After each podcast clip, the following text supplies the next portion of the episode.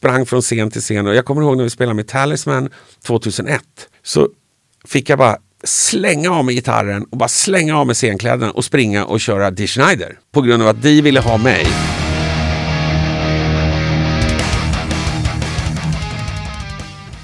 En av de roligare grejerna med Rockpodden det är ju att eh, bjuda på band som inte så många känner till och sådär. Få er som lyssnar att kanske upptäcka ny musik och nya personer.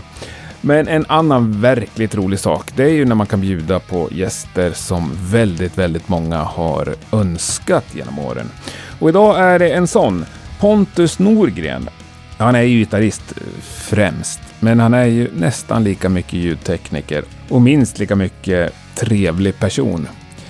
Han spelar just nu i Hammerfall, det kanske ingen har missat. Men innan dess så har han ju gjort en fantastisk massa saker och gör fortfarande. Han har ju här under coronan, eh, som vi kommer snacka om alldeles strax, eh, varit delaktig i det här projektet, eller bandet kanske det är, At the Movies. Som jag tyckte var himla roligt inslag. Men han är en liten sån där person som jag under, ja, större delen av mitt liv har sett lite här och var. Eh, både på scener och bakom mixerbord. Han är ju King Diamonds ljudtekniker. Det är ju ett av de kanske hårdare jobben man kan ha i världen, måste jag säga. Sen har han ju rattat ljud åt, inte allt och alla, men åt väldigt, väldigt många bra och eh, häftiga band och artister. Bland annat Yngwie Malmsten. Det kommer vi ju såklart snacka mycket om eftersom jag älskar Yngwie. Nu flyttar vi ner i Pontus studio för ett långt och härligt snack om livet, gitarrer, hårdrock och ljudteknik och en massa annat. Du lyssnar på Rockpodden. Pontus Norgren är veckans gäst. Jag heter Henke Branderyd och jag önskar dig en god eh, lyssning. Hallå där, ja ja. Jag har Nej, jag pratar eh, tydligt. kikat på de där, det är ju någon slags branschstandard nästan för poddar. Poddar och om man säger, ja, SM7 är ju faktiskt, eh, den kör ju, vad heter det? Kirk Hammett tänkte jag säga. Eh, James Hetfield. På sång?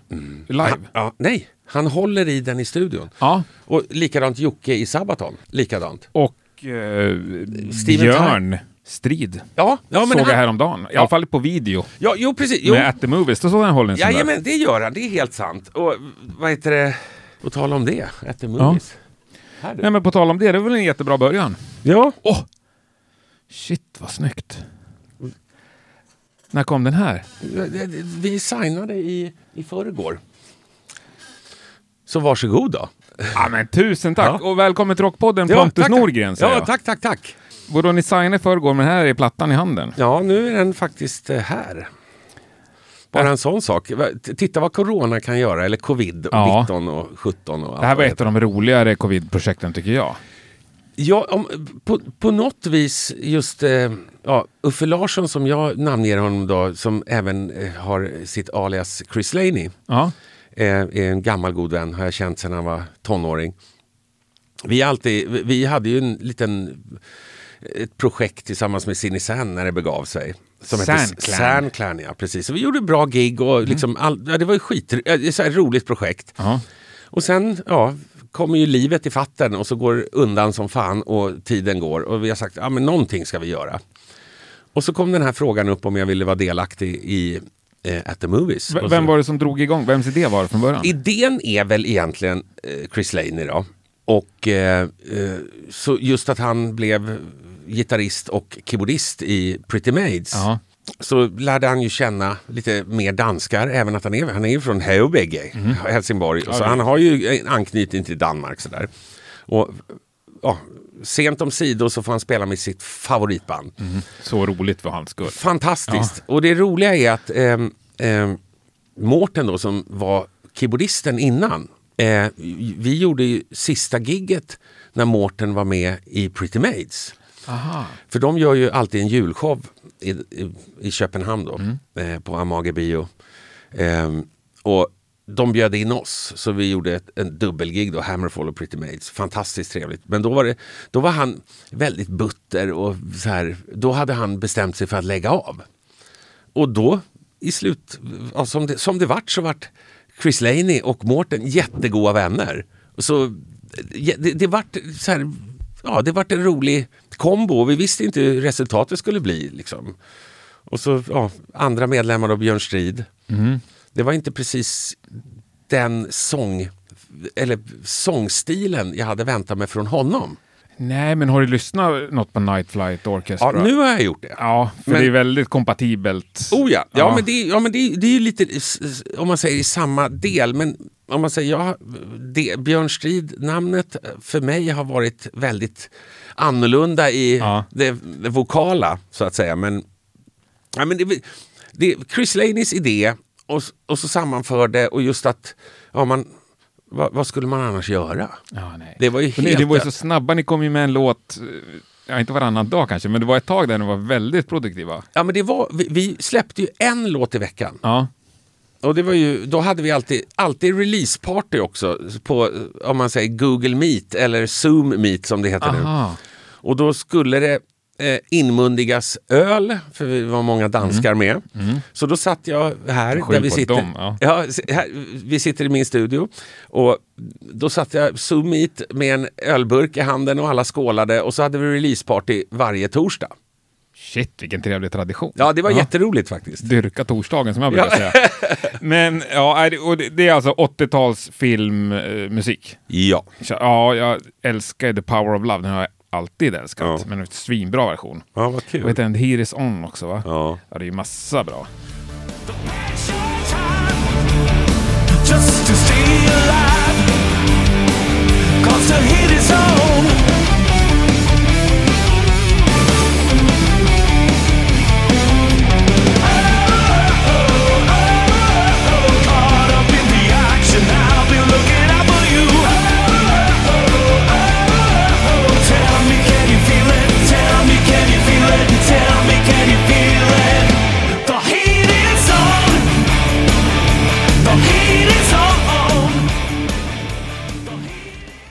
Men finns det här ute på streamingtjänster också? Eh, eh, som det ser ut just nu så är ju, vi gjorde ju en så här crowdfunding med det här. Ja. Vi, vi fick, ju- det var ju skiv, massa skivbolag som hörde av sig. Vi, vart, vart, blev, vart signade ni då till slut? Nej, vi har inte signat än. Ja, men du sa ju det. Ja. Vadå, att vi har Du sa- signat? Ja. Nej, ja, nej, signerat. Aha. Förlåt, ja, ja, nu var jag internationell, förlåt. Aha, det var därför jag tyckte det hade gått fort. Ja, nej, nej, nej. Grejen är, vi, vi fick ju jättemånga erbjudanden från skivbolag och sådär. Ja. Men nu när man har varit med så många år så kände vi allihopa att nej, det var för dålig, dåliga erbjudanden helt enkelt. Mm. Och så började vi prata om det här crowdfunding och åh, ja, det blir jobbigt, då måste vi sköta allting själv. Men då hade vi ju, vi nådde ju målet nu kommer jag inte ihåg hur mycket pengar det var, men vi, vi nådde målet inom sju dagar tror jag. Och vi hade satt, vi hade satt tidsfristen typ på 50 eller 56 Ja, dagar. bra jobbat. Och vi gick långt över. Och det är helt fantastiskt. Men då är det ju så, crowdfundingen är ju att de, om man säger alla som gillar det då, de beställer ju någonting som Ja. de får vänta på. Och nu har vi tryckt upp, det är CD-skivor, det är LP-skivor, det är t-shirts, det är Så nu ska det distribueras också? nu, ja, nu, det, det börjar ju nu. Nu ska vi börja skicka ut allting. Liksom. Och det är ju fantastiskt. Och det, det visar ju... Då kunde vi motbevisa skivbolagen att ni kunde ha gett oss mer pengar. Men hur var det med streamingtjänster? För jag såg, satt och kollade på lite Youtube-videos här i veckan. Och det var ju en väldigt, väldigt vanlig fråga. Ja. Jag ska ha det lite osagt. Eh, ja, vi träffades nu ja, i förrgår och signerade. vi signade inget skivdeal. Ja, men det såg jag att ni satt och drack öl. Ja. ja. Nej, men, så, om man säger just att det här, precis skivorna har precis kommit. Det var ju för förra veckan de kom från pressen. Liksom. Och jag tror väl och hoppas att det inom snart kommer i streaming. Men eh, ja, jag, jag har, får ha det osagt just Ja, nu vi får faktiskt. hålla koll, så får Ja. vi köpa skivan. Ja, gör det. För den är väldigt, väldigt trevlig. Ja, det är svinroligt. Har mer? jag tror att det är årets julklapp faktiskt. Ja, ja, från dig. Ja. Nej, för alla. Ja, för alla. Ja, alla köper dem till varandra. Ja, men det är ju en jätterolig grej att ge bort. Ja, men det, om man, I alla fall till de som har CD-spelare. ja, och dessutom på något vis generationsmässigt så är det de här låtarna finns ju. Ja. Och eh, om man säger man har, jag har ju barn och allting och när man tittar på de här filmerna, min dotter är 14 år, så går hon och nynnar på, nu har hon lyssnat på det här då, men innan vi gjorde det här så hon nynnade ju på de här låtarna.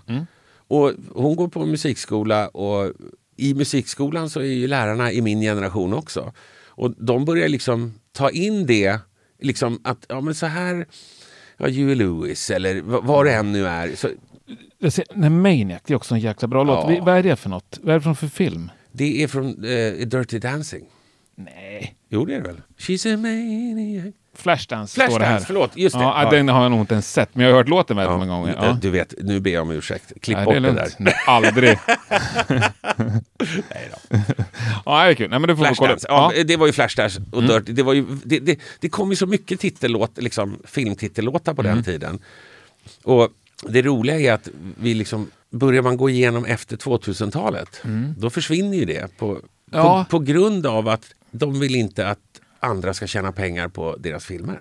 Det Det är hemskt. kommer ju fram musik via filmer. Oh, Liksom. ja. Och de så ikoniska låtar.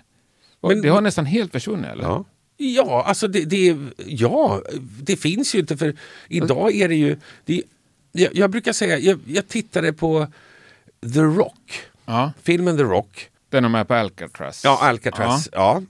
Och det är ju Sean Connery. Ja. Ja. Och när jag tittade på den, jag gick på bio och jag bara, The Rock, ja det kanske var, det, det är säkert någonting om eh, hårdrock. Det, det, jag var bara ute och gick på stan Ja. och går in och kollar på den. Ja. Och då trillade jag du vet, jag, jag, jag, bara, jag blev helt betagen av musiken. Men lyssnar man på den personen som har arrangerat den här musiken, han har ju släppt, om man säger så här, filmsamplingsplattor Okej. med stråkgrejer så att säga, som då filmbolag kan köpa. Lyssnar man på The Rock, jag- måste, vem som helst får motbevisa mig, men lyssnar man på musiken där så kommer du bara så här, aha. För där finns musiken som du har hört i alla, alla när det är tuffa och läskiga saker i filmer så hör du, det är så, det är så väldigt likt just den stråk. Ja. Hur han skrev musiken. Och jag tror det var typ där det försvann. Nu vet inte jag exakt vilket år det var men det är 90, Fem. det är 95. Möjligtvis inte sex. Ja. Ja, precis. Men där, där, där försvann det. men det är ändå så här score music som liksom görs. Jag tänker mer på det här låtar liksom. Mm. Jo, ja, men det är det jag menar. Då tog det över Ja. Lite. Och tittar man, tittar man hur utvecklingen var i musikbranschen, det var ju då det slog igenom med datorer också. Helt plötsligt var det lite lättare att göra saker för om, om man, ja, låtskrivare och arrangörer. Jag kollade faktiskt på Snuten i Hollywood här i somras. Ja. Alltså det är ju halva grejen, låtarna, musiken. Oh ja. Det har varit en helt annan film om det hade bytt musik. Ja, ja, ja, totalt. Ja, det är, det är synd. Ja, Skitsynd, Ja. nu när jag tänker efter. ja. ja. skitsynd. ja. ja har du haft något mer roligt för under corona? Eh, ja, faktiskt. Jag, eh, jag har suttit... Eller roligt, det var ju inte roligt. Jag vart ju allergisk så jag fick flytta in och bo i studion väldigt länge. För jag kunde inte vara hemma. Det var två katter som gjorde att jag inte kunde vara hemma. Och det gjorde att jag började gräva i saker och eh, dessutom är det ju som ja, folk kanske vet att vi släpper en liveplatta, första internationella liveplattan med Hammerfall. Och den har jag mixat. Och det var ju lite roligt för just när allting bara tar stopp i världen så att säga så får man ju mer tid och få sitta och liksom jobba med saker och ta vidare just att jag, jag producerar och sånt där också. Så nya liveplattan från Ludvigsburg mixar jag hela plattan här då. När kommer den? Den kommer i oktober. Ja, runt den 20 någonstans. Det snart. brukar ju vara. Ja, snart. Ehm, och det har jag suttit och gjort jättemycket och så har jag försökt, som alla andra gör, gjorde under corona, så städar man källarförrådet. Så att säga. Och källarförrådet i en studio nu för tiden är ju hårddiskar. Så jag har gått igenom hårddiskar i massor och öppnade upp min gamla soloplatta faktiskt, Damage Done. Eh, och började lyssna och så kom jag bara på att det var 20 år sedan. Så då tänkte jag, jag ska mixa om den. Så jag mi- började mixa om den och liksom fick, ja, det var, det, det var så roligt. Och liksom, jag, har inte gjort, jag har inte ändrat någonting. Det är allt i original sedan början. Tyvärr så saknas det lite körer och sånt där på grund av att jag inte kunde datorer på den tiden så jag förlorade lite filer. Mm. Då brände man ju CDs på allting. Och man var i olika studios och gjorde det. Men när jag satt och mixade då så ursprunget från min soloplatta är ju bandet Damage Done då, som jag startade tillsammans med John Levén från Europe och Patrik Isaksson. Patrik Isaksson. Patrik- den, den Patrik Isaksson. Den Patrik Isaksson. Och så- spelar han för något? Eller sjunger han bara? han sjunger på den. Eh, eller, eller, han sjöng då i bandet Damage Ja. Done. Och så var det Ja- Jan Åman, Jan Åman som spelade trummor. Han var ju i bandet med Andreas Jonsson, det gamla eh, Syndicate Rag hette de. Så jag, han, jag gillade hans spelstil. Och, ja, vi hade det bandet i alla fall och så splittrades det och det vet vi varför. För Patrik Isaksson fick ju något annat att göra. Och, men då bestämde jag att jag skulle spela in de här låtarna för liksom jag var grundare av bandet. Och, så här. och då gjorde jag Pontus Norlingens Damage Done, bara kul för jag tyckte det var bra låtar. Så nu, nu har jag öppnat upp den, den lilla skattkistan och eh, pratat dessutom med Patrik Isaksson. Det är lite roligt och det är möjligt att han kanske sjunger på några av låtarna som han gjorde förr i världen. Då. Ja, coolt. För själva skivan sjunger Mats Levén på. Ja, just det. Ja. Det var, det var väl första sidoprojektet Mats Levén gjorde egentligen. Så här, efter ja, Swedish Erotica och Treat. Då. Och jag var inneboende hos honom när det begav sig på 90-talet. Så nej, det, det, det har jag gjort. Och sen jag, ja, håller jag på och bygger om i studion så det blir fint. Ja, jag tycker det är ganska fint. Du varnade att det var stökigt, men jag har sett mycket värre ju. Ja, Men du, vad hade du gjort om inte corona hade kommit? Vilka saker fick du ställa in? För du är en Eh. person som mer eller mindre varit på turné konstant de sista 10 åren. 15 åren. 15. Ja. Ja. Mm. Eh, corona tog ifrån mig typ ja, väl 120 spelningar eller något sånt där. Då med Hammerfall och just att jag är ljud- live-ljudtekniker också så var det ju lite Mm. King Diamond och det var ju lite Merciful Fate och sånt där som jag skulle ha gjort. Men ja, kulturministern skulle veta hur mycket inkomst man har förlorat egentligen. Ja. Så den potten hon sitter och håller på som man inte får ta del av. Men ja, den tråk, tråkigt men också lite så här utvecklande och så här ögonöppnare, eye-opener. Att man, liksom, man börjar titta på saker på ett annat sätt. Och tänker, vi är ju aktiva, liksom Hammerfall dessutom, vi är ju aktiva hela tiden. Även att vi är, är gömda så att säga. Just med live-DVDn som kommer nu. Så vi har ju haft att göra i alla fall. Och det var väl skönt att vi kunde lägga ner väldigt mycket tid på det. I annat fall så hade vi ju flugit runt hela sommaren. Och jag, ju, idag så spelar jag i Dallas faktiskt. Se där, Ja. med Hammerfall. Ja, det plingade på- i en kalender att vi spelar i Dallas idag. Ja. Det är så jobbigt när de kommer de här. I början tyckte jag det var hemskt jobbigt när Ja. de där notifieringarna kom. Nu har- Nej men så egentligen är vi på USA-turné nu då. Men det vart ju inte... inte, inte med Sabaton. Nej, För det här den- var en egen den har ni headline. gjort redan. Ja, den har vi gjort redan. Det var förra året. Ja. Och det här var en headline som var för sex veckor typ. Så den försvann. Och sen är det ju massa andra turnéer som jag kan inte säga vad det är för någonting. Men, Ja, eh, men som vi har förlorat. Liksom. Och nu vet jag inte. Jag tvivlar på att det händer någonting 2021 också. Jag tror inte... Tror inte det. Nej, jag tvivlar. På grund av att om de inte har släppt en 500 personer i Sverige, de ska släppa det för idrottsevenemang men inte för kulturevenemang. Och då är det så här, ja, vad spelar det för roll om det är 500 pers på Globen eller på Friends Arena eller om det är en? Det är ingen skillnad. Nej. Nej, det är ingen skillnad. Nej, och då, då, då i, det stora hela tycker jag att varför göra det? Om, om man släpper det för klubblivet så skulle sjukt många människor i min bransch va, ha möjlighet att börja jobba igen. Alla skulle se det på ett annat sätt. Fast det blir skulle, jävligt trångt om du släpper in 500 pers på en klubb. jo, alltså, för, för Hammerfalls skull så är det ju väldigt, väldigt svårt. Alltså, för det blir ju det blir katastrof. Om, man, om, om vi tittar runt om i Europa exempel, det, det går ju inte. Liksom. Då får vi vi köra fått- klubbturnéer. Ja, skulle vi, köra en, vi- vi skulle kunna köra en klubbturné, men vi tänkte det om vi ska täcka då, då får vi spela så här 6 till 8 till 10 till 12 gånger på varje ställe. Det blir en väldigt Ja, lång så- turné. Ja, ja jag, fatt, jag fattar att ni vill ha era eh, pengar såklart. Men jag tänker om det alternativet, spela för 500 pers, ni kan ändå ta en hygglig entrépeng. Det blir ju någonting istället för Jo, att vara det, hemma. det är helt sant. Men, men jag tänker... Om det- alternativet är att nej, men då får vi bara sitta hemma 2021 också. Nej, men jag, ja, nej, men jag, jag, jag tror... Det handlar, det handlar väl inte...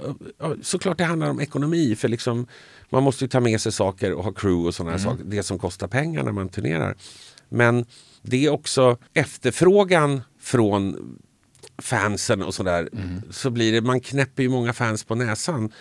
Med tanke på att om man höjer priset så då, tappar, då blir folk lite ledsna. Om du gör en exklusiv, det har vi ju gjort så här klubbturnéer och sånt där. Det är ju inget konstigt att man gör något exklusivt. Men om vi skulle åka ut och göra, vi hann ju göra Europaturnén på ja, förra skivan då, då. Men nu är det ju så att tiden går så fort. Så väldigt många artister som har släppt skivor har ju tappat de skivorna. Så man måste ju skapa en ny och ska vi göra en ny skiva och åka ut och göra en klubbturné så blir det ju så att visst, vi kan göra exklusivt och ta lite bättre betalt men det är fortfarande då knäpper man de som inte har råd på näsan lite grann. Jo, Och det är därför man gör, det, man gör större evenemang för att kunna sänka biljettpriser så fler människor kan komma och titta. Ja.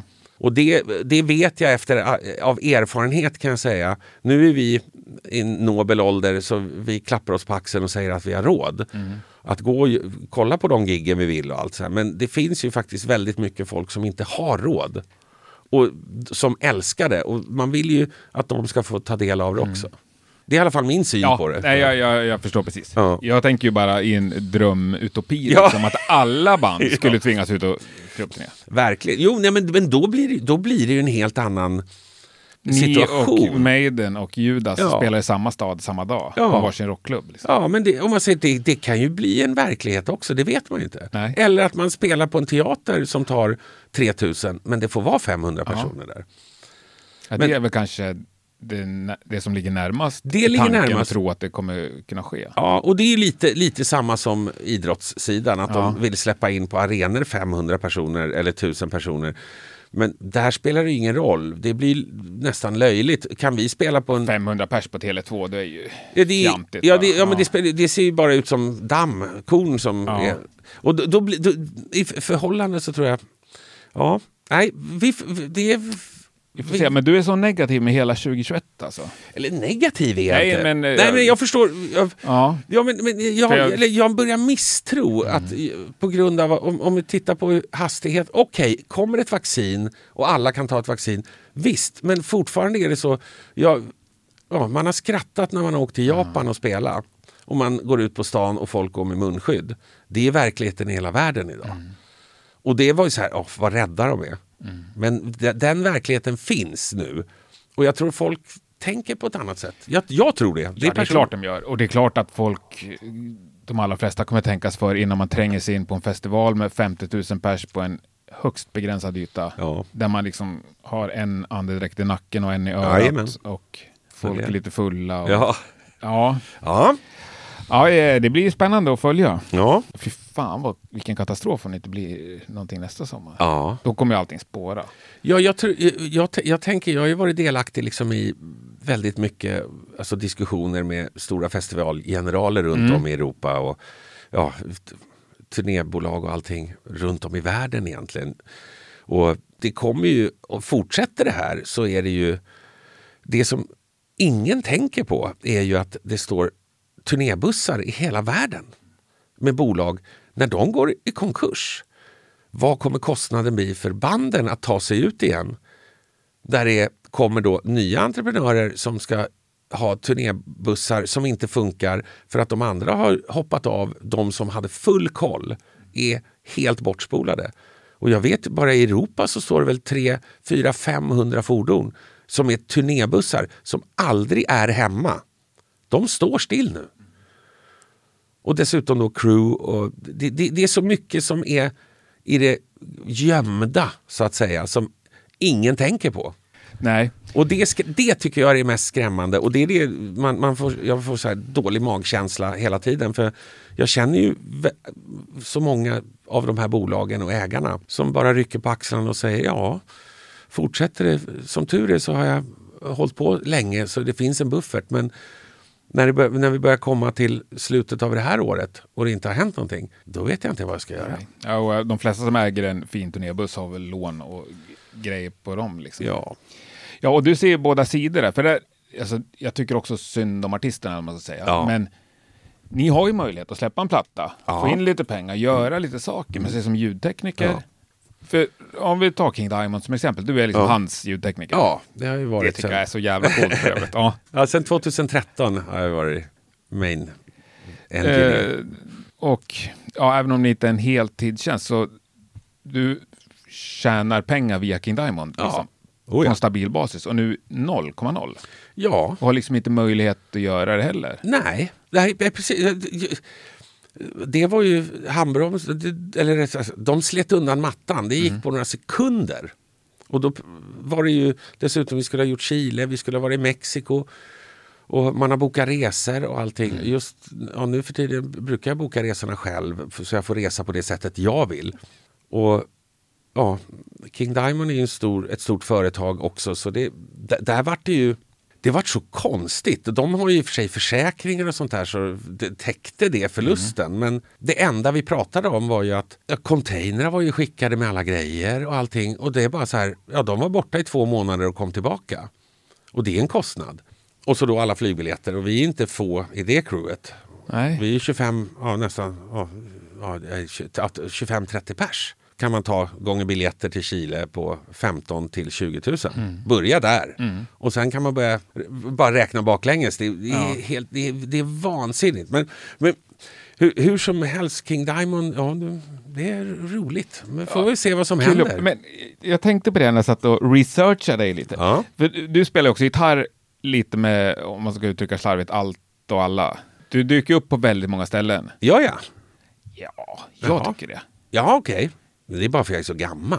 Ja, det är kanske det. Dels har du hunnit med mycket sådär, Ja. men alltså, se något klipp när Udo gör någon pop-up-spelning på Anchor så står du där och lirar gura. Ja, men det, det, det är väl på grund av att även att jag inte är så här gitarrgud eller något sånt där. Men just som du sa innan, liksom, jag, har gjort, jag har ju funnits överallt så folk känner mig. Jävligt stabil gitarrist, trevlig snubbe som folk har lätt att ringa. Lite inhopp och sånt där. Ja, det, det där var ju jätteroligt. Det var ju faktiskt eh, bara en fråga för han jag släppte, nu kommer jag inte ihåg vilken platta, men en soloplatta och var här med Universal och gjorde med Susanne var ju det.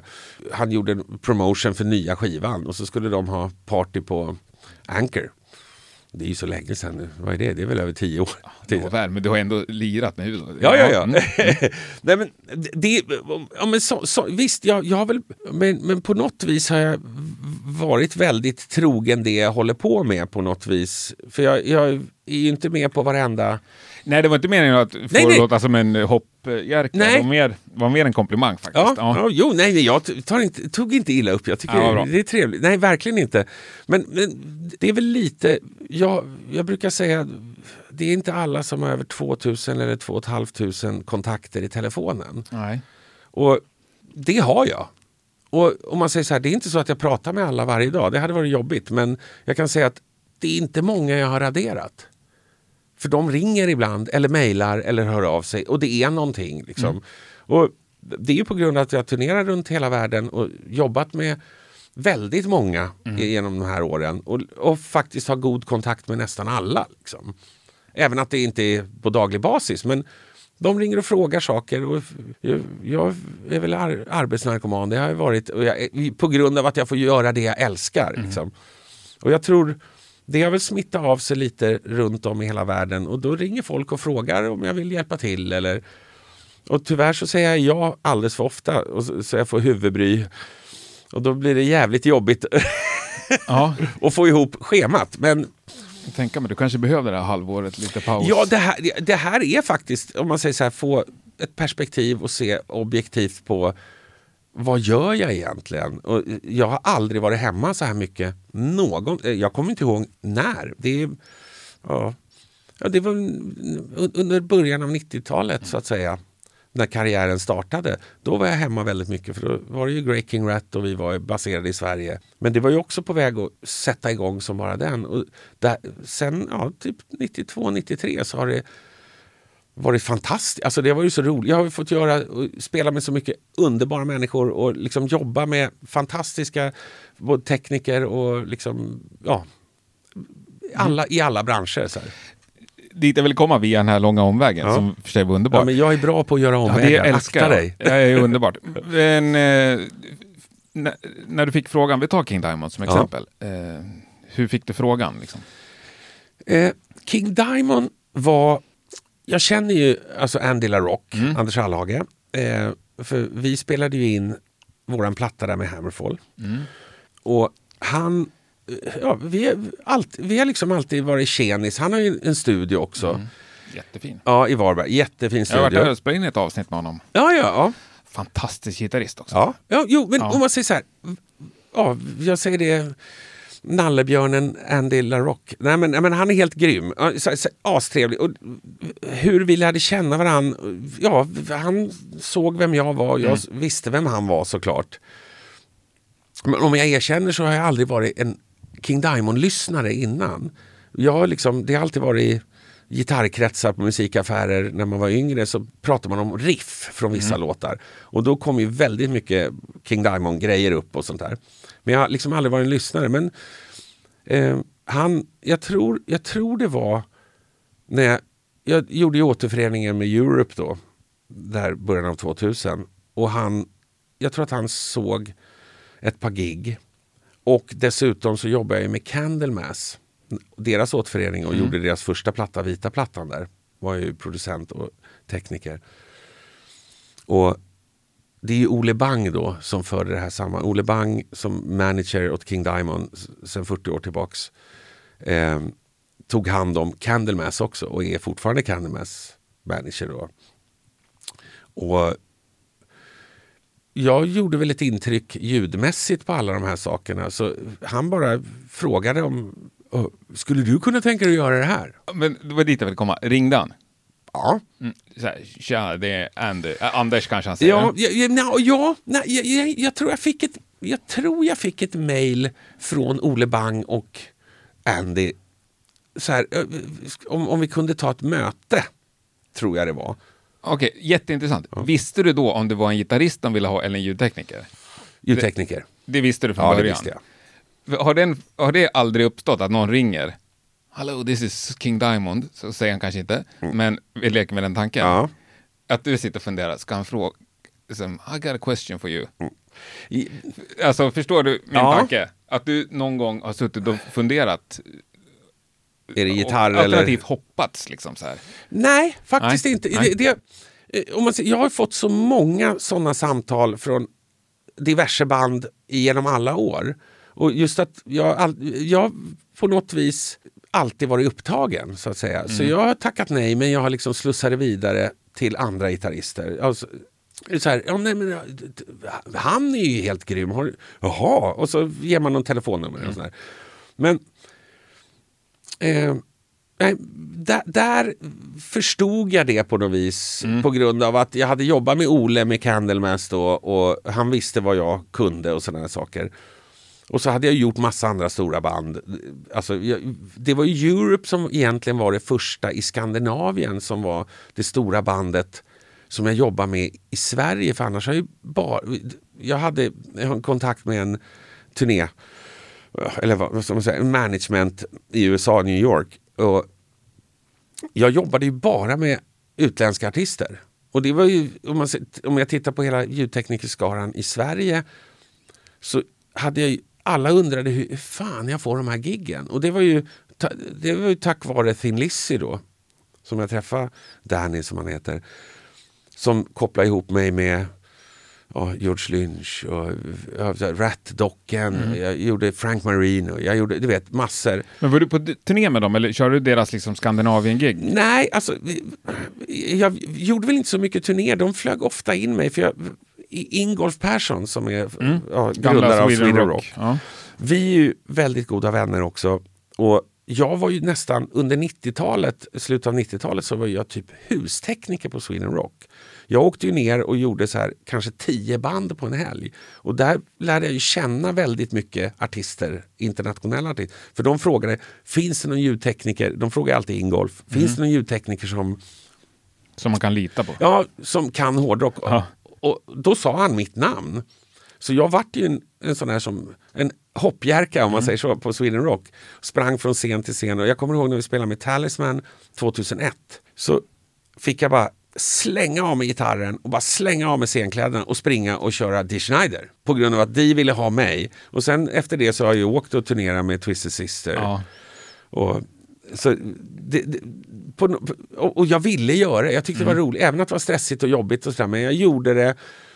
Och då, då lärde jag känna eh, Sveriges teknikerkår också, alla som jobbade på plats. Liksom. Och, ja, det- ja, jag, när, när de har ringt och frågat eh, precis det här, hi it's King Diamond. Eh, Det säger han inte. Nej, det är vi- Kim. vi läste. Det är Kim. Men, så på något vis, jag, ja, jag känner nog liksom redan, jag hör vem det är som ringer. Ja. När det är gitarrgrejer och sånt där och spela gitarr, då är, det, då är det oftare, jag vet exakt beroende på vem som ringer. Ja. Om du är en person som vill stå upp för den eh, fria kulturen och den mångfacetterade poddfloran så får du gärna stötta den här lilla verksamheten med några spänn. Det är så jag går runt. Patreon.com, där kan du söka upp Rockpoddens sida och för eh, två dollar i månaden eller mer så får du ett bonusavsnitt varje månad. Det kommer faktiskt ett sånt här eh, eh tidigare i veckan. Och kan ju också då såklart leva i vetskap om att du bidrar med någon eller stöttar med några spänn till sånt som du förhoppningsvis gillar. För det är svårt att allt ska vara gratis jämt. Någonstans måste någon betala. Vill du hellre swisha så gör du det på 070 77 38 200. 77 38 200.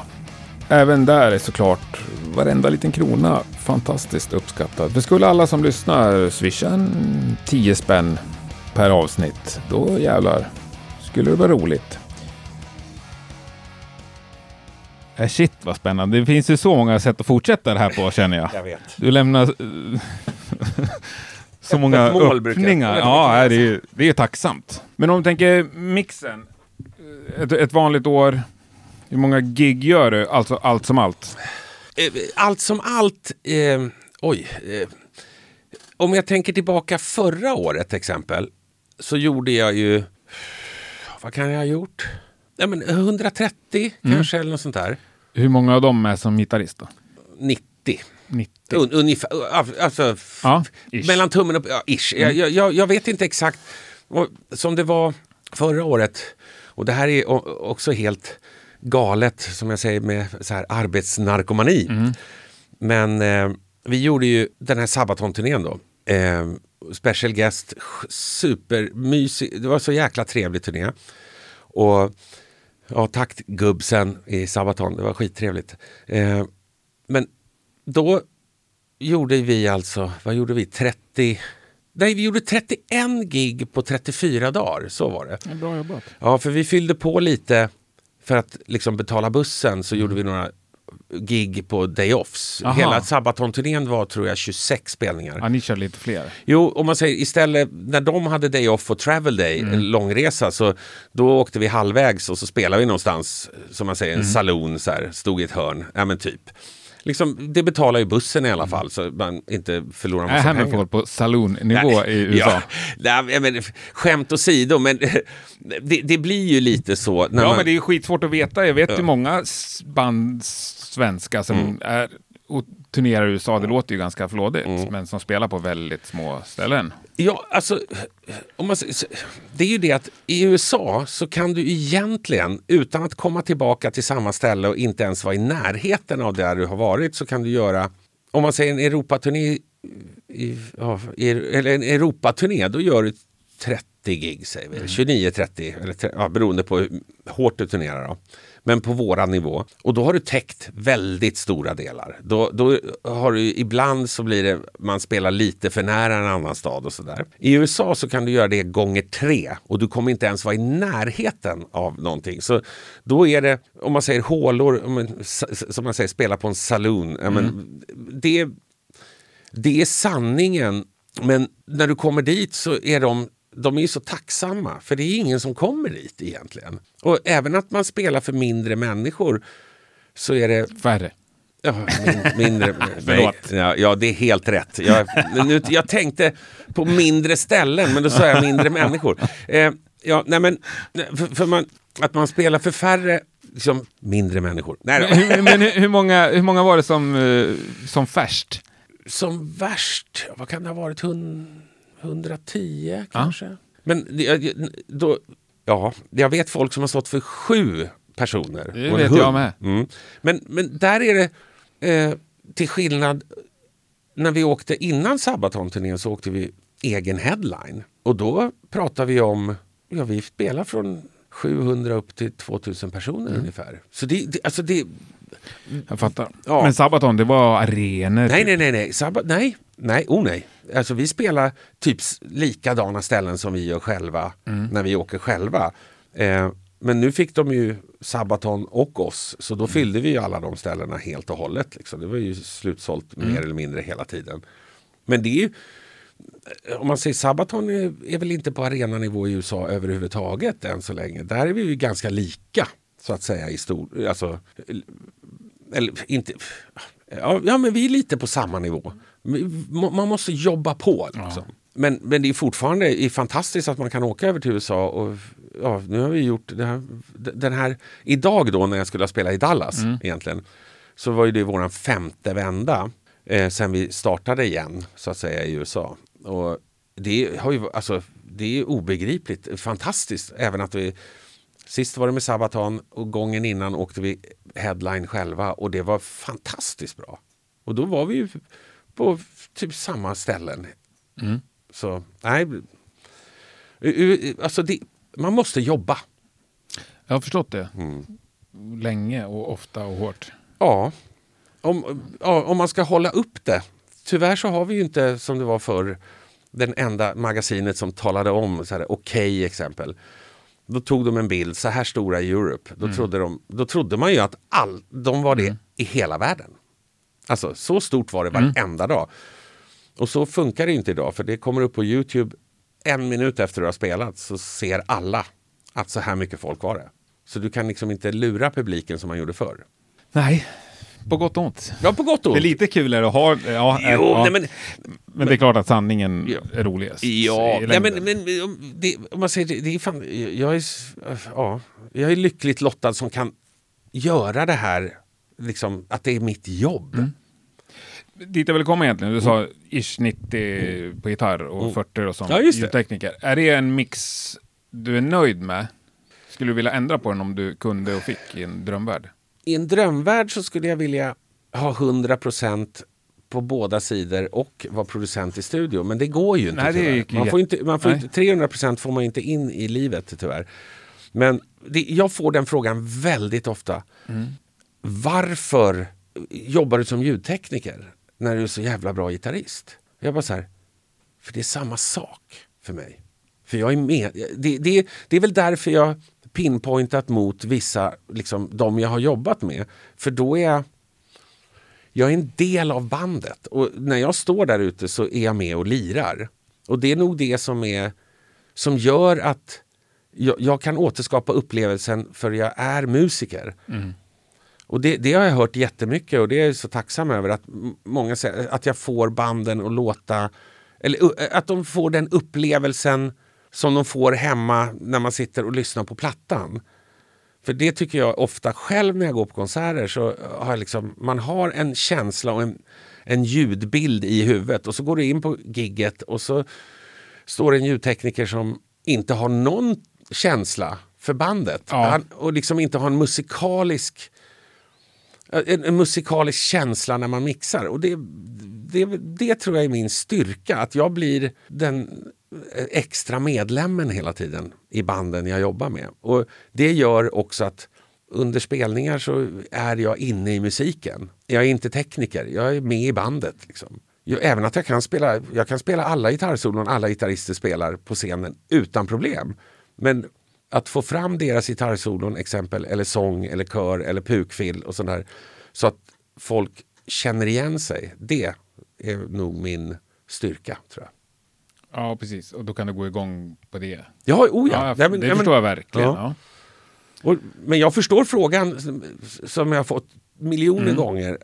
Att folk undrar, får, har jag njutning av det? Och det har jag verkligen Mm. till 100 procent. Alltså. Och du skulle göra det både och, så att säga, även om du inte behövde. För att ena benen gick så bra så att du kunde bada i... Ja, Pengar. jo, alltså, det, det är ju det jag har fightats emot. Men där kommer ju den här... Det, så här jag har svårt att tacka nej. Det är ju min personlighet och jag tycker allt är så roligt. Så att sy ihop saker. Jag har, jag har flugit världen över och då pratar vi... Vi har spelat i Japan och så måste jag dra direkt efter gigget till flygplatsen för att jag har ett gig med King Diamond i så här Porto Alegre. Liksom. Ja, då, då måste jag göra det. Och även att jag sover ingenting på flera dagar. Men liksom den, den liksom gnistan i mig och elden. Så här, jag tycker det är så jävla roligt och alla skakar på huvudet och säger att jag inte är klok. Jag är inte klok, det nej, vet jag. Nej, nej, jag förstår. Men vissa saker låter som att du ändå varit tvungen att tacka nej till med den Mm. kalendern. Oh ja, massor. Har du någon som svider fortfarande? Oj, oj, oj. Som var riktigt tråkigt att tacka nej till? Ja, det var det faktiskt. Och eh, Det var Twisted Sister när de spelade på... Eh, vad fasen var det? Åh, nu, ska, nu ska man komma... Nu måste man öppna massa bibliotek som har varit... Nu måste jag damma av. Ja, men, eh, nu, jag tappar namnet bara. Vad heter det? Stora arenan i New York. Madison Square Garden. Precis. Ja, då, nu, klipp. Nej, men... Eh, Nej, fick jag visa att jag kunde något. Ja, bra. Ja, men det är fantastiskt. Nej, men, eh, det, då fick jag förfrågan om att göra Twisted Sister på Madison Square Garden och det var, ett väldigt speciellt tillfälle. Och det, här, det är herrans massa år sedan. Men då kunde jag inte. Det, var, om man säger, det- ja, det måste ha varit 2006-2007 där, när jag spelade med Poodles. Och vi hade, det var ju sån, det var ju sån fart i allting med Poodles. Allt gick så fort. Och så kommer den här förfrågan. Den sitter nog kvar och svider rätt bra faktiskt. Eh, Så här, det hade jag velat gjort. Jag, jag har haft mål i livet att jag ska spela på isstadion och det har jag gjort. Jag ska spela på Globen, det har jag gjort. Stadion, nej, spelar inte så stor roll. Jag ska spela Friends Arena, det har jag gjort. Jag ska... Med- Vad sa du? Friends Arena, vilka spelar det med? Nej, men då, jag har spelat på Friends Arena. Det var med rockklassiker Allstars. Ja. Men jag har spelat på Friends Ja, ja, Arena. ja. Det var inte då. Och Tele2 också. Och så här, ja, väldigt många, jag ska spela på Wacken, jag ska spela på alla stora festivaler, det har jag gjort. Men Madison Square Garden är ju fortfarande det här, den här lilla bocken. Och om det blir att vara tekniker, som tekniker har jag gjort massa ställen som, eh, om man säger bockat av väldigt många listor runt om i världen. Men Madison Square Garden står ju kvar fortfarande på den här listan. Bucketlisten som jag inte har Ja, men det är väl skönt att ha någonting kvar också. Ja, jo, verkligen. Om man säger, det är inte så att jag strävar efter göra... Nej, jag, det tror jag att jag förstår, men eh, ändå ha en liten. Ja, men det är så här, Madison Square Garden, Albert Hall. Det, fi, det finns ju st- ställen som man skulle vilja. Och Albert Hall kunde jag ha gjort ljud på, för jag jobbar ju med Opeth. Och de gjorde ju Albert Hall, Royal Albert Hall. Men då var jag upptagen. Och, men ja, nej, men det såklart man ska ha lite... Jag har drömmar ja, fortfarande. verkligen. Annars så blir man ju bara mätt och tråkig. Ja, jag fick aldrig spela med Ronny James Dio och det tycker jag är jättetråkigt. Men jag hann inte. Nej, ja, det är ju också bra. Men du, eh, Accept. Ja! Hur, hur var det här? Kan vi reda ut det här? Den Oj. gamla Accept-historien. Innan då? Oj, Eller alltså oj, oj. innan Udo-giget. Oj! För du fick frågan om att börja med Accept. Ja. Och det här är, ja, det här är ju jättelänge sedan. Det är 80-tal. Då var det så att... Pratar vi alltså innan Bålster Wall? I, nej, Nej? nej, alltså det här är... Jag fick förfrågan när Udo lämnade första gången. Aha. Mm. Det var ju då David, David, David Reese kom in. Ja, vet du vem det är? Mm. Nej, jag, jag, nej. Nej, hur som haver. Det, är väl, det här blir väl efter Russian Roulette. Och Det är Okej. 86. Ja. Så det här är 87 typ. Så lägger Anders Tengner ut på eh, okay, tidningen Okej. lägger han ut eh, att Accept söker gitarrist. Du ska spela in video bla bla. Jag kände Anders Tengner på, genom min bror då för de kände varandra väldigt bra. Och jag ringer upp honom och säger så här. Ja, hur ska jag göra? Ja, du måste spela in en video. Videokamera på den tiden. Det hade ingen råd med. Det hade den rikaste pappan köpt en videokamera nere på gatan och den fick man inte låna. Men då sa Anders, ja men vi har en på okej. Och han kommer ut i garaget och jag sminkar upp mig och allt så här. Och så hade jag några demos då. Mitt band hette Odessa på den tiden men jag hade spelat in några grejer. Och sen ställde jag mig och spelade gitarr och Anders Tengner filmar. Han hjälper mig att skicka ner det här. Och så Eh, Wolf Hoffmans fru hette, var ju manager på den tiden och då hette hon Gabi Hauke. Eh, Nu heter hon ju Gabi Hoffman såklart för de är gifta. Och hon ringer och pratar knagglig engelska och jag är, vad var jag, 17? Eller något sånt där. Jag, var, jag vart så bajsnödig så jag visste inte vad jag skulle göra. Och som tur var, min brors fru kunde tyska för hennes mamma är tysk. Så hon fick hjälpa mig att prata. För jag förstod inte vad hon sa på engelska, Gabi. Och, så här. och de sa, eller hon sa, att vi vill att du ska vara med i bandet. Det här, det, är den, det här var den bästa videon så att säga som vi har fått. Och du ser helt rätt ut och allting. Jävla coolt att höra Ja. det när man är i den åldern. Ja, jag, jag, jag, jag, jag såg ju redan att det stod en röd Corvette utanför Ja. garageinfarten hemma. För då, repade, då hade vi replokal hemma i mamma och pappas källare.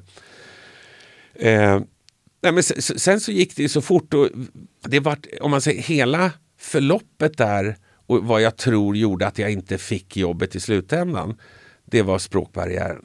Men var du ner och träffade dem och lirade någonting med dem? Ja. Jag, jag åkte ner och, och det, ja, ja, man var så jävla ung. Du Mm. vet. Ja, Jag, jag, var så, jag var ju så nervös så jag kunde, jag kunde liksom, det, det, ingenting fungerade. Och det, öppna munnen så sa jag fel saker. Och jag, du vet, även att man kunde engelska, men det, nej, det var hemskt. Men vi har pratat om det nu, nu känner jag ju allihopa liksom, jättebra. Och jag träffade faktiskt Gabi, eller Hoff, Mm. Gabi Hoffman, då. Jag träffade henne på Wacken och vi satt och pratade om det där. Hon, hon tyckte, hon sa det, det var så gulligt för jag var så liten. Och det, jag var ju så liten och liksom, jag hade, det, det var nog tur att jag inte kom med där. Säger jag idag, med skinn på näsan. Ja. Ja, det hade nog, om man säger inget ont, pratat om någon sådär, baktalar någon, men jag tror det hade varit dåligt i dagens läge. Ja, men det är roligt. Ja, det är en jätterolig... Men hur, mycket, jätte- hur många gig hade du under bältet då när du åkte ner så att säga? Ja, jag hade väldigt många gig, måste jag säga. Ja. Alltså, för Det var inte en ren Nej, sovrumsprodukt? nej jag, jag bestämde mig tidigt och just att min bror spelade också. Han spelade med Carola och Standby som det hette då. På den. Ja, Vi var med Carola Häggkvist. Då. ja. Och då, de turnerar ju alla ungdomsgårdar. Och så jag hade ju kontakt med alla ungdomsgårdar. Och så hade jag en kompis som idag är en stor mediakille, bor i Göteborg. Vi var bästa kompisar. Han säger så här, ja, men jag ska hjälpa att boka. Så vi gjorde ju en turné och det, det var ju... ja, det, vi, ju- vi gjorde en ungdomsgårdsturné i Stockholm på 52 spelningar. Schysst. Det var Bara varje i Stockholm? helg. Ja. Storstockholmsområdet. då, Jo, jag förstår, men det är ändå många. Det var, ja, då fanns det ju så många ungdomsgårdar. finns det knappt i Sverige nu tror jag. Nej, nej, nej. Det, men det var helt fantastiskt. Alltså, det var så här, och, Fick man pröjs då också? ja, då var det ju fördelningslista. Ja. Mm, och då fick man ju 999 kronor. För det skulle ju vara under tusenlapp för att vara ja men det skattefritt. är väl inte... Nej, vi, alltså, tittar man då på 52 spelningar så var det ganska bra gage för killar i 15-16 års ålder. många som spelar för under 999 kronor Även, ja, per medlem Ja. nu för tiden. men, men det, det, var, ja, det, det var roligt. Jag hade i alla fall ganska mycket spelningar och liksom, jag var ju redan då den som hade hand om ljudtekniken och scentekniken och hyrde ljus och allt sånt där. Liksom. Så jag är alltid, jag är alltid, det har alltid varit så roligt. Fantastiskt. Ja. Men du, vi måste snacka lite Yngve också. Oj, ja! För han har du jobbat med... Ja, det var ju från 2001 så att säga som jag började turnera med honom. Då. Men jag har känt honom och just att jag spelar med Marcel Jacob så har jag ju liksom känt honom. Vi gjorde ju en liten specialvända där om det var 98 99, 99 var det väl va? När han gjorde Sweden Rock. Han gjorde ju, vi, gjorde, vi gjorde ett antal spelningar i Sverige. Så här Jönköping och Huskvarna och sådär. Och då körde du Front of House? Ja, då körde jag Front of House och då var det ju Anders, Anders Johansson, Marcel Jacobs, eh, Mats Olausson, Mark Bowles var det ju på den. Och det var ju så här bara en, en one-off för han var här och gjorde någon promotion. Och eh, ja, jag, hade, jag kände ju honom sen innan. Inte, inte, vi var bekanta liksom. Han visste vem jag var. För han repade på Fryshuset då när han hade svenska bandet tillbaka. Och då, då hörde han hur jag lirade och var och kollade. Och jag var ju god vän med Erika så att säga också. Och var med på hennes första demos innan hon slog igenom. Körade och allt möjligt. Så jag, vi, vi har ju känt varandra länge men 2001 var ju då han, han ringer och säger att han vill att ah, nu, du ska fan göra turnén. Alltså, jag har aldrig haft så bra gitarrljud. Ja, vad, vad roligt. Så jag flög över den 4 september till Miami. Och alla vet ju vad som hände 11 september när vi skulle flyga till Mexiko 2001. Och bli fast i en zombie Florida. Ja, det, det, det- alltså det, var, det var helt vansinnigt. Så vi var fast i en vecka och hela Sydamerikaturnén var att då förskjuten en vecka så att säga. Och det är inte så lätt att bara förskjuta saker. Nej. Men så var det och det, ja, där, där började resan med Yngve så att säga. Men bodde du hemma hos han den veckan? Nej, vi, vi, vi hade hotell faktiskt. Ja. Och det var Dougie White eh, som även sjöng med Rainbow. Eh, vi bodde bredvid varann och Patrik Johansson var ju med då också, svenska trummisen. Som jag hade lockat in i, det, i, bandet. Och jag kopplade ihop Patrik och Yngve eh, när de spelade på, i Stockholm en gång. Sådär. Det här tog Claes Yngström också cred för, bara för ett par avsnitt sedan. Är det så?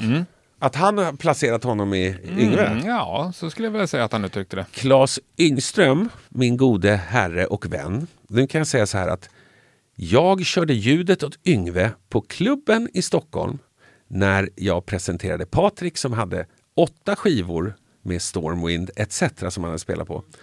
Jag presenterade Patrik som gav skivor till Yngve varav Yngve ringde tillbaka två veckor senare och sa Vill du lira i mitt band? Så Claes Yngström, det var jag. Ja, bra. Jag Start- älskar dig. Startar vi en liten beef där. Ja. Ja. Ja. Nej, nej, men skämt, åsido. Men det, vad heter det? Ja, vi bodde, som vi kallade det, Cockroach Motel. Hemskt, nere på Collins Avenue. Vi bodde, och så oh, 11 september då så knackade det på dörren väldigt tidigt och Dougie White kommer in och säger You have to come and watch the TV. A plane went into the skyscraper in New York. Jag bara, ja, jättetrött. Vi skulle flyga tidigt. Så jag sitter på hans säng, sömndrucken så att säga. Och då flyger nästa plan in. Och då tog det mindre än ja, 40 minuter tror jag. Så fanns det inte en bil som var ute. Hela, det, ba, ja, det var helt vansinnigt. Sen tog det väl två, tre timmar så började du se alla militär.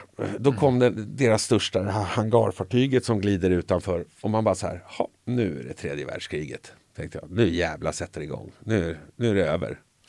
Och så kunde vi, jag fick inte tag i någon hemma i Sverige på tre eller fyra dagar. De stängde ju av, ja, men det var helt omöjligt. Så det, var en, det började bra med Yngve, men det, det var skitroligt. Det jammades mycket Deep Purple den veckan kan jag säga. I replokalen. Så. Mm. Men du fortsatte ju, det blev ju något sen. Ja, det vart, då vart det en USA-turné. Eh, eller vad säger jag? Sydamerika-turné var det då. Och sen så åkte jag tillbaka och så skulle, åkte vi till Japan. Och då gjorde vi några gig i USA också. Och sen gjorde jag hela Europa-turnén då på Attack-turnén. Så att säga. Så hela, he, un, eh, hela Attack-eran så att säga, den plattan så gjorde jag alla gig. Och sen så skar det sig så att säga. Men inte mellan Yngve och mig, det var hans fru då som har tagit över all business. och Ja, allting. Jag har försökt mejla henne några gånger, men hon, hon har inte till. svarat. Nej. Nej. Om man säger så, jag brukar säga, det är inga namn nämnda, men det är vissa av mina kollegor som jag tog in i det som har smsat till Yngve. Och man får tillbaka ett sms där det står wrong number. Om du får ett sms från någon du inte vet, då svarar du inte tillbaka. Nej, kanske inte. Ja, nej, det, det, det Ja, tragiskt. men lycka till då! Försök få tag i han. Varsågod. Ja, jag, jag har gjort det. Ja, jag har gjort det. Men hur länge sedan var det som det skar sig? Me- mellan mig och Yngve, ja det är alltså... Det blir väl 2003. 2003, f- ja det, det, det var i samband med, jag skulle ha gjort turnén när, när jag började spela in, eller Candlemass, vita plattan med Candlemass. Då skulle jag ha åkt en turné med, eller gjort en, om det var festivaler skulle jag ha gjort. Men då var, inte jag, då var jag fel helt enkelt. Och eh, dessutom så eh, fick jag ju förfrågan då, Start from the Dark med Europe, återföreningen och allt det här. Så då valde jag att göra det istället. Och där, ja, sen dess, Hur bra var Yngve? Du som ändå jobbar med Angela Rock och John Orum. Jag kan och säga dig själv. Yngve är så jävla bra. Jag, jag, jag säger fortfarande, men han är för bra för sig själv. Så det, det tar över, och det är inte egot som tar över. Det är att man måste, man måste dra i hans handbroms. Och jag gjorde det när vi var i Japan exempel. Så satt vi och snackade en hel kväll om så här, Far Beyond the Sun. Och så sa jag så här, det är en passage där som inte jag fattar. Liksom, för det, den har jag spelat massa gånger liksom, med Marre och sådär. Och det är en passage jag inte fattar. Och så, fan, jag har gitarr på rummet. Så gick vi upp på rummet. Och så, och det, när du kommer härifrån och så är det den, det här licket. Oh? Ja, ja, ja, nu härmar jag honom. Ja. Jag låter som... Ja, och, och så försöker, och så, så lirar det och så tar han bara gitarren och så lirar han hela den passagen precis som man gör på plattan. Och så sa jag till honom, fan, alltså det, det är så här, jag, jag får gåshud sa jag. Fan, det här, du, du måste göra det här live, här slänger du alltid gitarren och sådär. Så du spelar inte de här grejerna. Oh. Ja, men fan, testa och gör det. Och, och så gjorde han det. Och då, jag, jag, jag kommer inte ihåg var vi var någonstans. Ichikawa eller något sånt där. Och jätte, alltså, typ som en enorm skolaula spelade vi. Vi gjorde 17 gig den turnén i Japan. Och det gör man ju inte. Man gör ju ofta fyra, fem stycken. Ja. Men det, det var Mr Udo då, han som är den gamla bokaren. Som fortfarande levde då. Som hade bokat Yngve igen. De hade blivit vänner igen. Och han går upp på det gigget och du vet det är så här som man helt plötsligt alla låtar. Jag, jag, jag tryckte på en knapp eller drog i handbromsen så han börjar tänka. Och jag tror inte, det är nog hans om man säger största fiende. Att liksom, han har en sån fart i livet när det gäller musikaliteten. Och jag tror att hans hjärna, han, han, han är som Bach eller Beethoven och liksom så här Händel och Paganini. Det, men hans, han, om han hade satt allting på ett partitur och spelat efter det så hade han varit en sån virtuos. Men jag tror att det går för fort för honom. All, liksom i, han, han stannar inte och tänker efter. Och han kan inte se storheten i det han har gjort, tror jag. Eller så är det liksom också lite som han är som person. Så det där har han gjort redan. Han ska gå vidare hela tiden. Och det, men det gig, jag har det inspelat någonstans på någon minidisk, det, den spelningen. Och jag kommer ihåg, alltså det är som man nästan får Ja, jag får ståpäls nu när jag tänker på det. För det, det var så här magiskt. Det var tillbaka till den här känslan i hela kroppen. Bara shit, han, han gör alla grejer perfekt. Och då bara, han stannade. Sen seglade det iväg igen då efter ett par gig. Så var det tillbaka till vanliga. Ja. Så ja, han, en väldigt, väldigt stor musiker. Och, och jag vet, citera Marcel så sa han det att han hajar inte hur bra han är. Men han gör det. Han vet att han är gitarrhjälte. Men han hajar inte hur bra han är. Och jag, det, det känns lite så. Han, han är för bra för sig själv. Ja, jag, jag är oerhört fascinerad av Yngve. Alltså. Ja, på, på så, så många sätt. Ja, ja men samma här. Ja. Han är en gud. Det är häftigt. Och Har du fler favoritgitarrister när vi är inne på den? Oj, ja. Eh, om man säger så här, min husgud har väl varit sen typ dag ett Gary Moore faktiskt.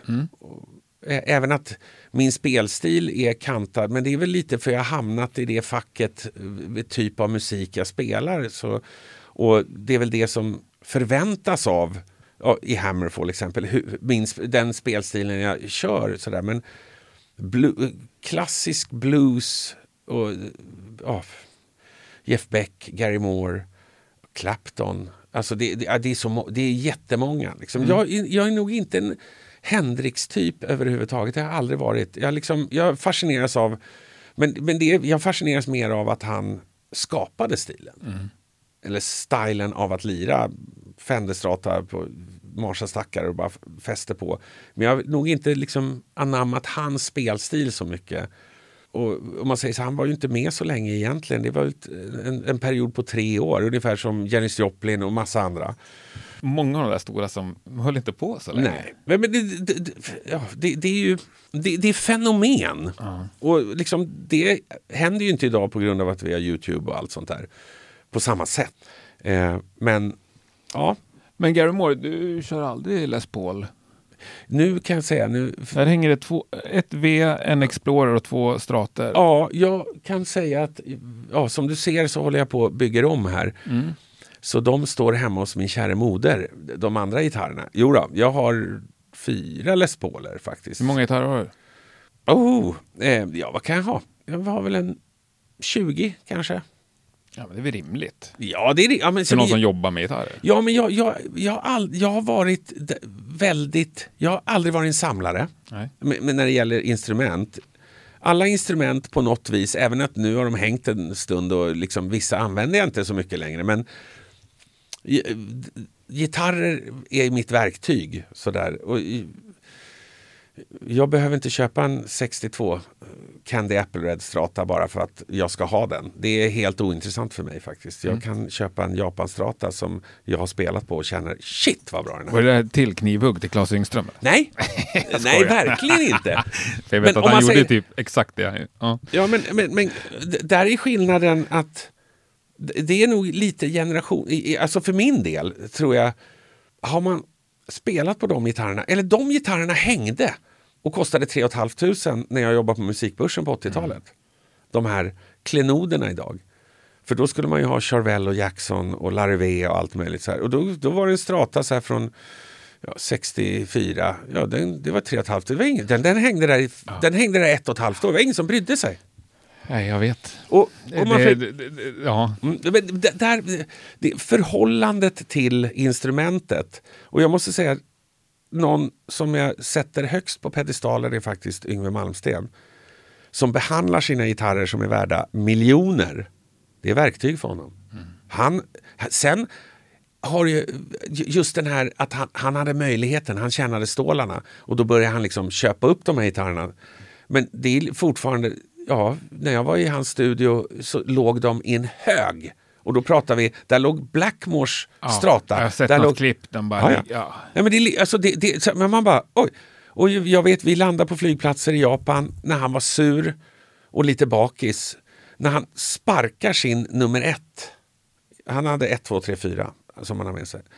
Det, det är ju en strata som är värd, ja, den är över miljonen egentligen. Den sparkar han på bara för att fodralet var öppet när det kom ut. Då vart han sur och sparkar en gitarr för en miljon. Så den bara snurrar på marmorgolvet. Man bara... Och ja, då, då gjorde det ont i mig till och med. Ja. Och jag som inte är någon... Jag har faktiskt ing, jag har ingen äldre gitarr egentligen. Den äldsta gitarren jag har, den är inte här nu då, men det är stratan som jag spelar på eller spelar med, med Grey King Rat. Men det är en Japanstrata som jag köpte för 890 spänn på Music Market när jag jobbade där. Jag satt och tunade för det kom in en batch på ja, flera hundra gitarrer, Japanstrator då. Och jag satt och skruvade och stämde dem i månader. Som de, de, de gick ju hel, det såldes för det var billiga gitarrer. Och så bara en strata som hamnade vid sidan som jag tyckte den var så jävla skön på något vis. Jag vet inte varför. Och det är min äldsta gitarr och den är väl från, vad kan den vara, 89? Kanske 89, 90 eller något sånt är där. moderna grejer. Vad sa du? Det är moderna Ja, grejer. ja, ja, oh ja. Men du kör på Sandberg Strata. Ja, nu- det, det är ditt nummer ett nu? Ja, nu är det Med. Hammerfall Ja. också? Ja. Och jag måste säga, där är det, det där, när jag första gången provade Sandberg-gitarren så måste jag säga att då var det så här, oj! Det här, det här känns mer som en 62 Strata. Men är det custom-grejer eller är det... Ja, det, det, här, Standard. det, det här är... Alltså det är custom, om man säger pickups och sånt där och vad heter, all elektronik är ju min custom som jag gillar. Men den här gitarren är ju en, standard, deras, en standardmodell som jag fick när vi spelade med Talisman 2014. Så, så sa jag, för då hade jag skrivit avtalet med dem då. Och så mejlade jag och sa så här, jag har inte hunnit fått mina custom-gitarrer så eh, vill ni att jag ska stå på Sweden Rock inför 30 000 personer och spela på min Gibson? Då kom den här overnight kan jag säga. Och sen fick den lite kärlek av mig och nu har det varit Ja, det är nummer ett-gitarren som jag använder i studio och liksom, som jag ofta sitter och jobbar med här hela tiden. Liksom. Aldrig haft någon signaturmodell? Nej, nej inte, vi, vi pratar om signaturmodell, men jag säger det de modellerna som finns, som jag tycker är världens vackraste gitarrer, är fortfarande Gibson och Fender, vad de har gjort. Liksom, utformning, V, ja, SG, de här klassiska och Fender, det, det, ja, det är konstverk. Och dessutom det är konstverk som är funktionella när man håller i dem. De, väger, de, de hänger rätt. Allt, jag vet inte vad de, Leo, Leo tänkte på liksom när han gjorde en Fenderstrata. Det är fortfarande, ja. Jag vet inte vad han hade stoppat i drinken eller i pipan. Nej. Men han måste ha fått till det, för det är helt vansinnigt vilket instrument. Ja, det är en bra produkt som Ja. lever Ja, men fortfarande, fo- tittar man på det, jag, jag vet, det finns ju så mycket Reed Smith och här nya gitarrer. Men tittar du på Jackson och Charvel och Larrivée och så här, de gjorde ju trots allt, det är ju på något vis, det är ju fortfarande ja, Jackson vet som hänger där, det är ju så här, det, det är ju Flying V på något vis i alla fall. Så det är liksom former som har funnits hela tiden. De, Ja. Mm. ja, och när folk försöker hitta på nya former så tycker jag alltid att det ser ut som fula rymdskepp bara. Exakt. Ja. Och därför, där, där, där, då, svar, jag svarar på din fråga. Jag vill inte ha ett rymdskepp. Nej. jag tycker i och för sig Tele är jävligt snygga. Det är skit. Ja. Alltså, jag jag, spela gitarr en Tele. ja, jo, nej, men, men det är också, den kommer ju från Leo. Ja. Formen. Det är så få som spelar hårdrock på Tele också. Ja, Det men, är därför men jag tycker det är det, så extra coolt att ha en Tele. ja, jag säger det, men jag har ju kört tele med handbacker och sådär. Och det är något visst med formen som gör att det inte låter rätt. Ja. kan jag säga. Och även att de har gjort gitarrer i papier-maché och plast och allt möjligt. eh, ja, torkade frukter och allt möjligt, kroppar och sånt där och säga att det låter ungefär likadant. Så är det väldigt konstigt att en Gibson låter Gibson. Och, om man säger, nu säger jag inte att det är single coil på en strata såklart och det är humbucker, men fortfarande så Yngves Flying V som han har, som han fick en, de gjorde ju alltså, Gibson och Fender gjorde ju en specialgitarr till honom som är Flying V med Fender-bestyckning, alltså strata-bestyckning som han har. Coolt. Ja. Den låter inte som en strata. Nej. Punkt slut. Det är så här, och det, han, det, koppla, in en stra, eller koppla in en vanlig, hans nummer ett och den, and, den här Gibson, eller Flying V-stratan som han har. Du vet, nej. Och det är inte bara psykologiskt. För lyssnar du så är det så här, nej, varför låter stratan strata? Sätter du de mickarna på en annan gitarr så låter det inte strata. Spännande. Det, ja, men det är Men det intressant. där är nästan en annan podd tror jag. Ja, vi har inte kommit in på IR och impulsresponser än. Nej. Då får vi sitta det, i 80 år kan jag säga. Ja, Men det tar vi i... det är så oerhört långt ovanför min kunskapsnivå. Jag gillar mer sånt här lite, Ja, men vanligt hängsnack. lite allmänt hängsnack. Ja. Ja, fantastiskt trevligt att träffa dig. Ja. Äntligen blev det av. Ja. Mm. Eh, stort tack för att du ställde upp och för att Ja. du bjöd hit mig. ja, det var en ära att ha dig här Ja. och trevligt. Så önskar jag en trevlig helg. Ja, Hoppas detsamma. vi ses snart igen. Jajamensan. Stort tack! Tack, tack. Ha det bra. Ja, även denna vecka så fick jag trycka på stoppknappen, vare sig jag ville eller inte. Grymt kul att du har lyssnat ända i mål. Det ser jag som tecken på uppskattning. Om du inte har gjort det och om du vill ha slut på mitt jävla tjat om Patreon så gå in och signa upp dig där.